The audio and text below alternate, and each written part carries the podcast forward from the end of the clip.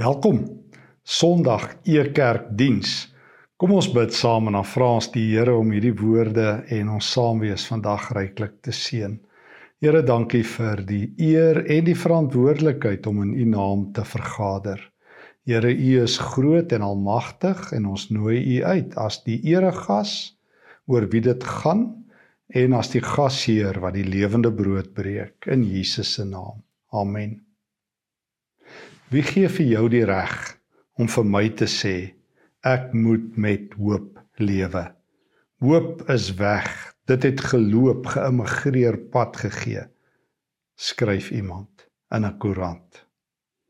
En as jy so rondom jou kyk, dan lyk dit inderdaad of hoop die wyk geneem het die probleme, die nonsens, die seer kry kom so vinnig. 'n Mens kan amper nie jouself opgedateer hou nie.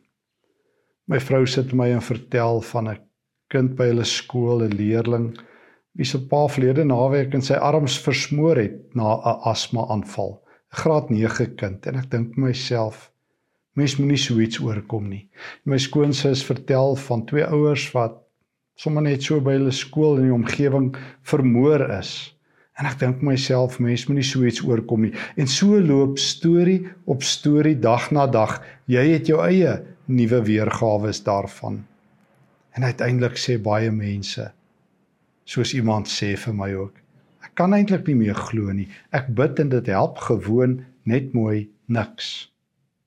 Terwyl ek hieroor dink, onthou ek opnuut weer die storie, die novelle wat daar in 1872 geskryf is, A Dog of Flanders.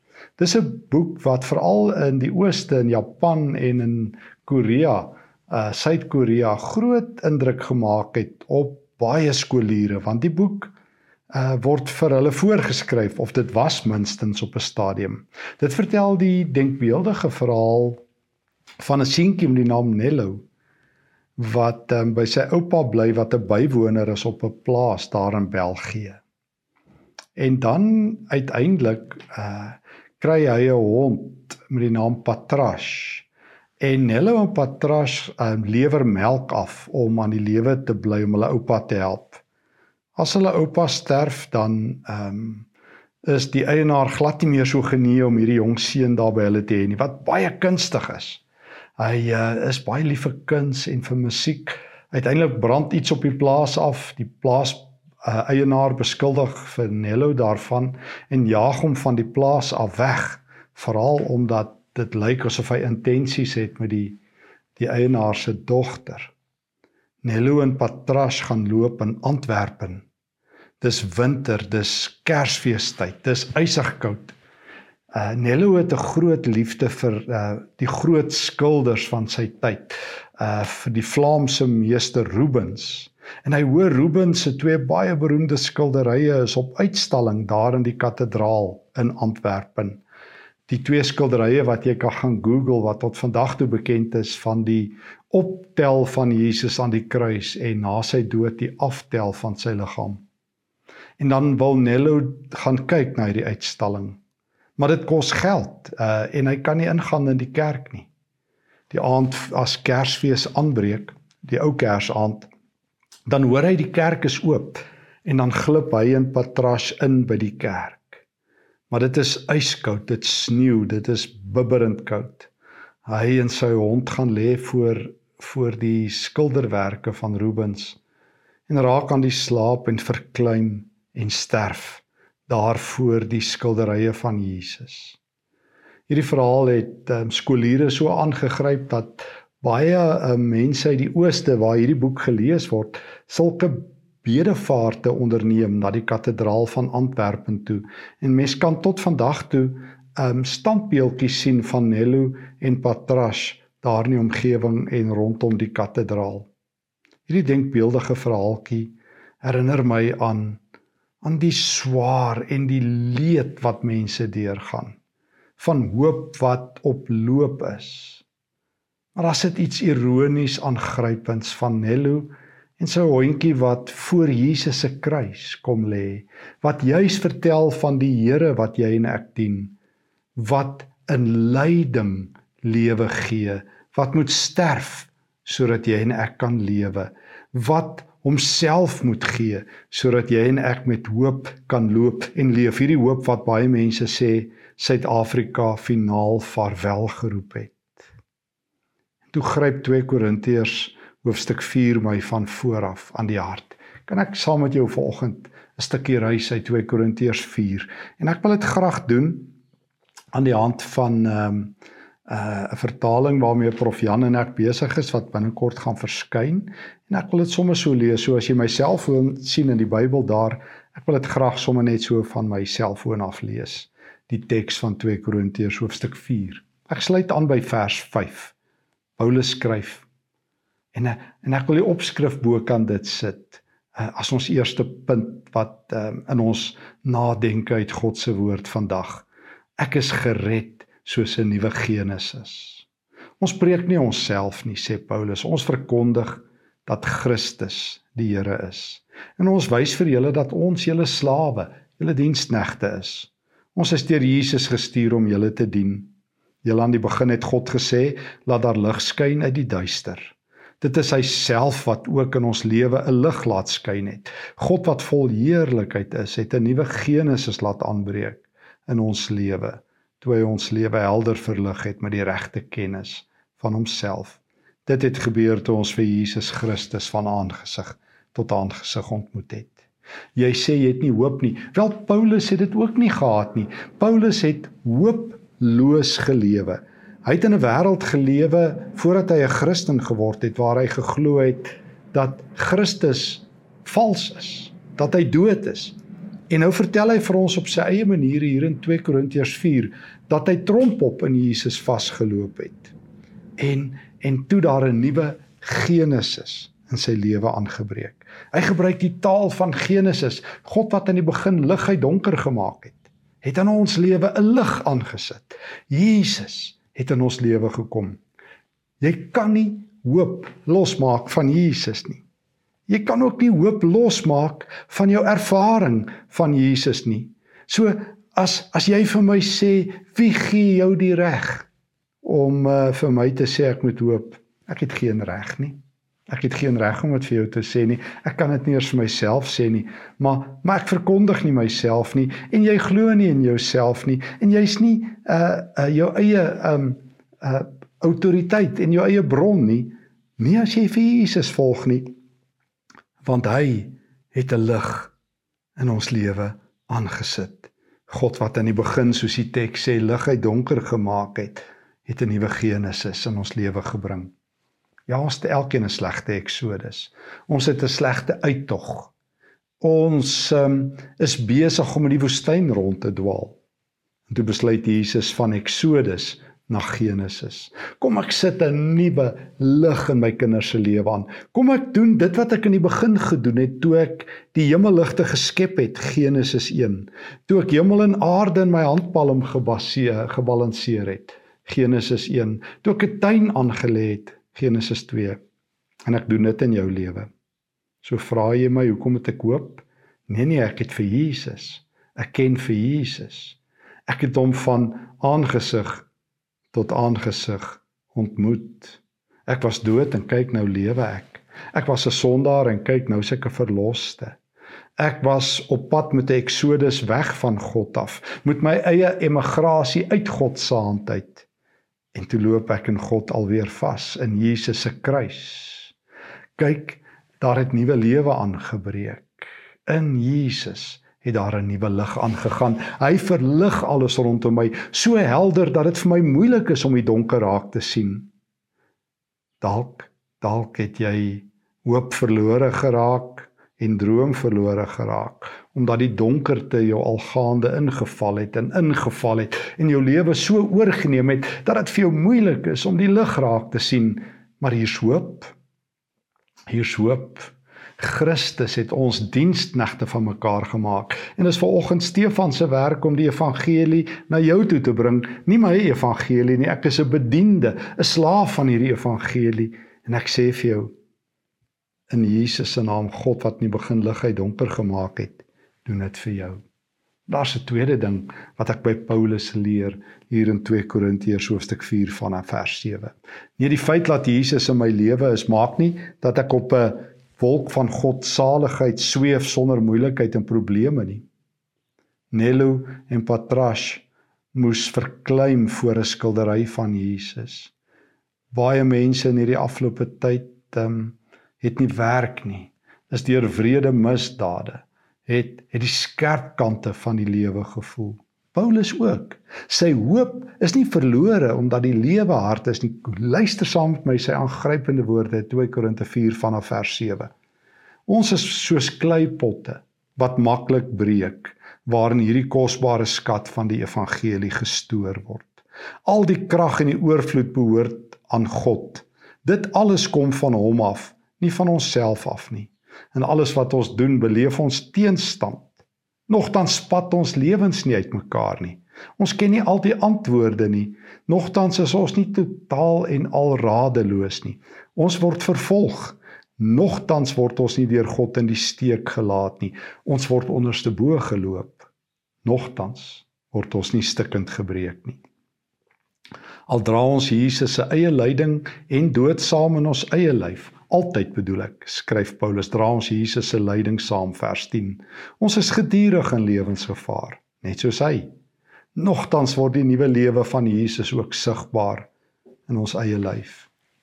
Nie Christene dit nie maklik nie. Hier is van die mees ontboesemende, eerlike, honest to God verse in die hele Nuwe Testament. Paulus sê, dink jy my lewe is maklik? Ek staar dag vir dag dood in die oë. Ek word as 'n vreemdeling of vyand behandel. In stad op stad word ek uitmekaar geslaan. Hy sê ek is soos 'n kleipot. Hy sê um, in alles vers 8 beleef ek teenstand. Hy sê ek ken nie al die antwoorde nie. Vers 9 ek word vervolg. Ek dra Jesus se lyding, maar jy moet een ding weet. Dis net een kant. Ek is 'n kleipot met 'n skat. Ek is in hoop gedoop. Ek ken vir Jesus. My hoop is nie dat ek eendag maar net hemel toe gaan nie. My hoop is dat ek hier en nou hemel het want dat omdat Jesus by my is. Omdat Christus in nuwe Genesis met my begin het toe ek hom ontmoet het. So my hoop lê nie in daar kom beter dae nie. My hoop lê nie eendag op 'n reendag is alles verby nie. Ehm um, dit was juis een van die beskuldigings van die ou vader van die kommunisme wat gesê het Christene is soos 'n pie in the sky by and by when we die soos een of ander Engelse satirikus dit saamgevat het. Ek sit nie en wag op 'n pie in the sky nie. Jesus is by my. Ja, en ek ken vervolging en ek ken teenstand. So jy vra vir my, is ek onrealisties as ek hoop? Jy sê vir my, Joubert, dit wat jy verkondig is sommer net 'n uh, klomp um, spookasem toe nie. Toe kop aan kop aan Jesus vasgeloop het, opgestaan het in 'n nuwe lewe, het ek agtergekom ek is 'n kleipot. Ek breek. Ek het nie antwoorde nie. Ek weet nie altyd nie. Ek huil saam met um, mense wat huil. Ek huil oor die onverwagse opdaag van siekte in ons familie. Ek huil saam met jou en jy huil saam met my en ons skouers is nie breed genoeg altyd om swaar kry te dra nie. Maar ek weet een ding. Jesus is by my. Die Here van hemel en aarde wat volgens vers 10 ehm um, sy lyding ook deur my uitlewe. Soos wat Jesus swaar gekry het op aarde, loop ek nou in sy voetspore. En nogtans sê Paulus word sy heerlike oorvloed in en deur ons elkeen sigbaar. Paulus sê dis die paradoks, die teenstellings van die Christelike lewe. Hoop in gewone liggame, jou en myne, doodgewone mense wat baie keer neergegooi word op 'n siekbed, alles verloor en tog nie hoop verlore is nie. Stikkend gebreek word en tog nie uitmekaar spat nie. Nie al die antwoorde het nie en tog vir Christus ken. Dit is die lewe van 'n Christen. Nee, ek hoef nie te ontken dat ek nie altyd weet nie. Ek hoef nie te maak of dit altyd maklik is nie. Nie van ons is Superman nie. Ons ruk nie ons hemp oop en staar 'n S vir Superman nie. Ons is almal gewone gelowiges gekoop deur Jesus. Ja, gewoon en spesiaal. Ja, breekbaar en 'n kosbare skat, die Here self sit teenwoordigheid hier binne in ons. En daarom kan Paulus sê weet jy wat, al is jy doodgewoon in die derde plek, jy het die Heilige Gees. Ons ek lees saam met jou vanaf vers 13, maar heel eers wil hy vir jou en vir my net weer herinner, onthou jy? Ehm uh, al het ek 'n slegte Eksodus gehad, God het 'n nuwe Genesis in my begin. Al is ek 'n breekbare kleipot, uh Jesus is by my, maar hy skryf derdens vir die Korintiërs. Julle die Heilige Gees ontvang. Vers 13. Ons het dieselfde Gees wat geloof in ons harte ingeplant het as daardie persoon wat in die Bybel skryf. Ek het geglo, daarom het ek gepraat. Ons doen dieselfde. Ons glo, daarom praat ons oral oor die Here. Ons glo, ons weet vers 14 dat God wat die Here Jesus uit die dood opgewek het, ook ons saam met hom sal lewendig maak. Ons het die Heilige Gees. En daarom hoop ons en daarom glo ons en daarom praat ons. So jy sê vir my, wie gee jou die reg om om vir my te sê ek moet hoop? Nee, Christus leef in jou en in my.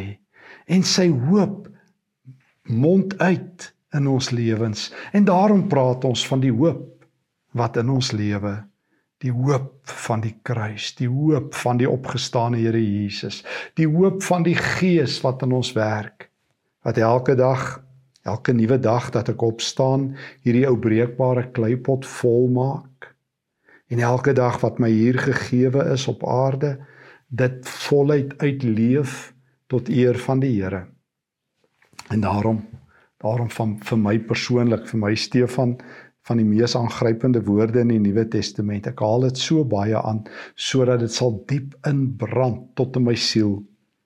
2 Korintiërs 4 vers 16. Dit is die rede hoekom ons nooit moedeloos raak nie. En dis ook die vierde punt. Ek het hoop en ek word nie moedeloos nie. Al is ons liggaam uiterlik besig om te vergaan en stikkend te raak en swakker te word gebeur net mooi die teenoorgestelde hier binne in ons. Dag vir dag word ons innerlik nuut gemaak. Ons weet al hierdie lyding wat ons nou beleef is eintlik lig, want dit is tydelik en dit gaan verby. En dit berei ons voor op 'n ewige nuwe heerlikheid wat wag op die Here. Ons het nie genoeg woorde om die grootheid en die glorie hiervan te beskryf nie. Daarom skryf Paulus nou in vers 18 ons fokus nooit ons aandag op dit wat hier rondom ons sien nie. Hoor net geweet, ons fokus nooit ons aandag op alles wat ons hier rondom ons sien nie. Ons fokus ons aandag op dit wat ons nie met ons eie oog kan raak sien nie. Dit wat ons nou nog raak sien is tydelik. Die nuwe lewe by God wat ons nou nog nie raak sien nie, is ewig. So toe my slegte Eksodus aan die gang was, het 'n nuwe Genesis aangebreek toe ek agtergekom het selfs nou dat ek 'n Christen is, is ek 'n breekbare kleipot, het ek ontdek die Heilige Gees is by my. En nou het ek hoop ook want ek kan vorentoe kyk. Jesus se Gees roep hier binne my hart uit in Romeine 8. Daar is 'n toekoms. Daar is hoop. Ek wat nou by jou is, hou die sleutels van die dood en die doderyk. Jy's op pad vorentoe. Jy sê jou lyf beur onder die pyn van ouderdom en siekte wat nie genees nie. Jy sê jy kry swaar omdat dit alles rondom jou so donker raak en jy nie meer weet hoe nie. Jy wat 'n kind van die Here is, daar wag 'n nuwe wêreld. Nee, jy wens nie hierdie ene verby nie. Dit is nie soos daardie ou liedjie van die 1970s like desperados waiting for a train. Ek onthou nog die liedjie van die ouens wat gesing het en desperados is eintlik maar slegte mense en dan sit die ouens nou en sing hierdie lied. Dan sit eintlik maar die dood wat so aankom. Ons sit nou maar sinneloos die lewe in omwag nie. Christene het hoop. Jy het hoop. Hoop mag miskien elders weg wees maar hoop het 'n naam, Jesus Christus. Hoop het 'n teenwoordigheid, die Heilige Gees van God wat in my is. Al moet ek saam met Nello en Patrash lê en verkleim voor Jesus, dan wil ek in Jesus se arms sterf. Want is vir my die ironie van daardie skildery van Nello en Patrash. Dat hy in Jesus se teenwoordigheid of in die teenwoordigheid van hierdie skildery wat vertel van 'n heiland wat sterwe ook uiteindelik vreemd sterwe. En so wil ek graag ook my lewe leef. Ek wil graag my lewe leef en die wedren voltooi saam met Jesus. Ek wil in die taal van 2 Korintiërs 4 'n kleipot wees. Al word ek gestamp wil ek elke keer volgemaak word deur die Heilige Gees. En ek weet daar gaan 'n dag aanbreek vir jou en vir my dat daar een stamp te veel gaan wees, een kraak te veel. Dan gaan hierdie erdepot breek, maar dan gaan hierdie kosbare skat, hierdie ek by die Here wees vir altyd. Wat 'n hoop. Wat 'n troos. Wat 'n evangelie. Hierdie evangelie wat vir my sê Daar het 'n nuwe Genesis begin, ook in jou lewe. Toe jy Jesus van aangesig tot aangesig ontmoet het, daar is 'n nuwe Genesis in jou lewe. Ja, dit is waar jy so breekbare kleipot face the facts, soos die Hollanders sou sê. Maar jy is nooit hoop verlore, droom verlore, uh redding verlore, uit God se hand verlore nie. Jy het die Heilige Gees. En laastens, jy het hoop Jy hoef nie in sak en as te sit nie. Jy hoef nie in moedeloosheid te verval nie. En as jy is, oukei. Okay. Want ons is partykeer by die radeloos plek waar Paulus is. Maar jy's daarom, jy's daarom het God vanoggend sy woord na jou toe gebring. En wil hy jou met hierdie woord dien? Wil hy vir jou sê jy's nie ver van my af nie. Al voel jy so. Jy het nie weggesink in 'n moeras nie. Al lyk dit vir jou so. Jy's nie op jou eie nie. Al dink jy dit. Jy is myne. Ek het jou duur gekoop. Die kosbare skat binne in jou sal maak dat jy ewige waarde het. So ek sluit af. Jou waarde is so hoog dat dit in ewigheidsterme bereken word. Dat Christus vir jou sê, al vergaan jy uiterlik, Ek sal jou elke dag nuut maak en jou eendag kom haal om by my te wees. So, wie gee vir my die reg om oor hoop te praat? Nie ek self nie, Jesus. Maar wil ek daaroor praat met alles in my, want Christus deur sy Gees brand hierdie hoop al sterker binne in my. Mag jy ook belewe dat die Here van alle hoop jou styf vashou en jou toefou en jou toeknoop met sy liefde. Hoor die mooi woord van die Here, bær dit in jou hart. Kom ons bid. Ag Here. Here Here, dankie dat U 'n nuwe Genesis begin het. U wat lig uit donker maak. Bring vanoggend nuwe lig, verlig my lewe met U hoop. Here, ek is 'n ou breekbare kleipot, oor raad verleë, ek word vervolg en op die grond neergegooi saam met Paulus. Maar Here, ek is nog nie heeltemal stikkend nie. Vul my opnuut met U Gees. En Here gee dat ek nie moedeloos sal word nie. Want daar wag vir my 'n nuwe lewe net die ander kant die draai by Jesus. Amen. Dankie dat jy saam met e kerk reis. Altyd 'n voorreg dat ons saam kan reis. Ons Bybelskool kan jy opvang Woensdae aande, ons Vrydag Bybelskool loop.